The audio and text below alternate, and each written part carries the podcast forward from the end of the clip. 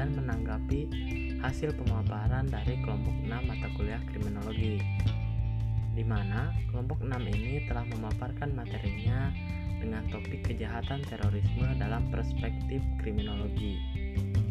Sebelumnya, saya ingin mengulas terkait uh, teknis dari pembahasan kelompok 6 ini. Menurut saya sudah cukup baik. Lalu terkait isi pematerian pun saya rasa sudah cukup baik, di mana dalam pematerian sudah dijelaskan secara runtut, mulai dari definisi terorisme itu sendiri, lalu dalam penglihatan berbagai ilmu terhadap terorisme ini, mulai dari sosial hingga dari aspek yuridisnya. Nah, mungkin sedikit catatan menurut saya karena pembahasan ini tidak hanya dilihat dari aspek kriminologinya saja, melainkan dikaitkan dengan ilmu-ilmu lain. Ini mengakibatkan fokus dari pembahasannya sedikit kurang dalam pandangan kriminologi. Nah, misalnya saja terkait hubungan teori dalam kriminologi.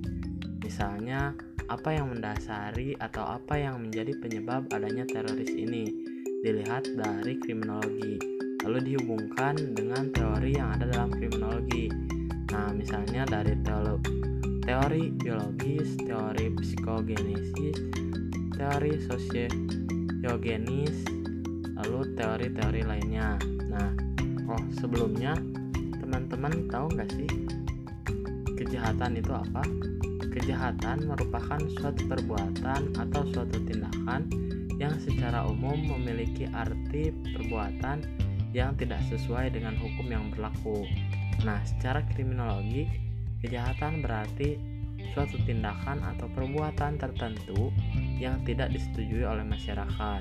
Nah, kejahatan ini timbul disebabkan oleh banyak hal, yakni seperti tadi dijelaskan terkait teori biologis. Nah, teori ini mengatakan faktor-faktor fisiologis dan struktur jasmania seseorang yang dibawa sejak lahir melalui gen dan keturunan dapat memunculkan penyimpangan tingkah laku.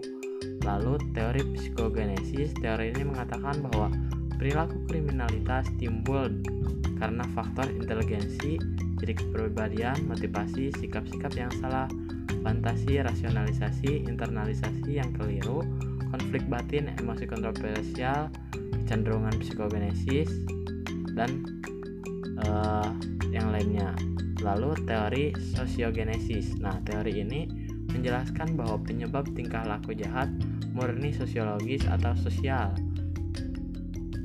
Lalu selanjutnya teori subkultural di delinkuensi. Nah, menurut teori ini, perilaku jahat merupakan sifat-sifat struktur sosial dengan pola budaya yang khas dari lingkungan masyarakat yang dialami oleh penjahat.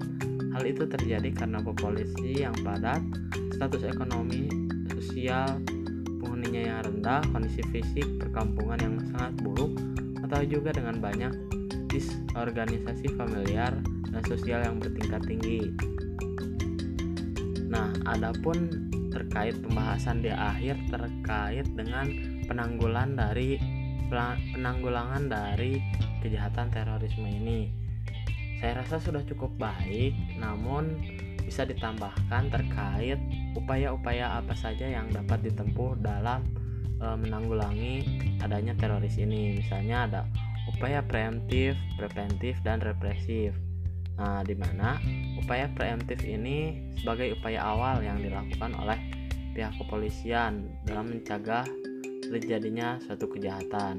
Ada pula upaya preventif yang merupakan tindak lanjut dari upaya preventif.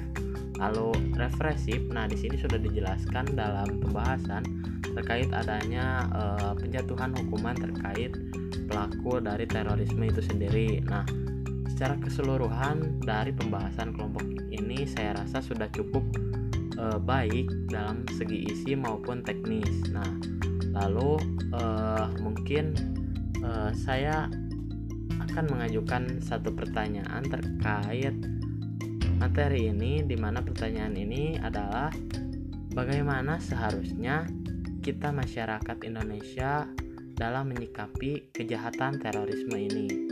Nah, mungkin cukup sekian yang dapat saya sampaikan. Kurang lebihnya mohon dimaafkan. Wabillahi taufiq wal hidayah. Wassalamualaikum warahmatullahi wabarakatuh.